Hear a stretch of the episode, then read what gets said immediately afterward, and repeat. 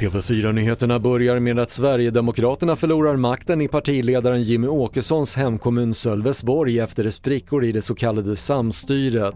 Istället väntas en ny koalition med Moderaterna, Socialdemokraterna, Centern och lokala Solpartiet ta över. 21-åriga Tove som försvann i Vetlanda i lördag saknas fortfarande och polisen ändrar nu strategi eftersom stora delar av området har sökts av. Insatserna ska punktmarkeras utifrån de tips som kommer in och dessutom ska Sjöräddningssällskapet söka i sjöar i området.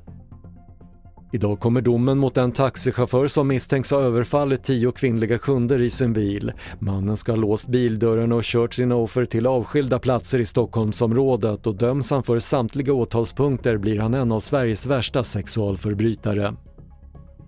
Och arbetslösheten var 6,5% i september enligt siffror från Statistiska centralbyrån.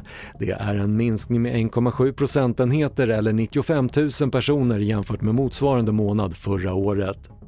Fler nyheter hittar du på TV4.se. Jag heter Patrik Lindström.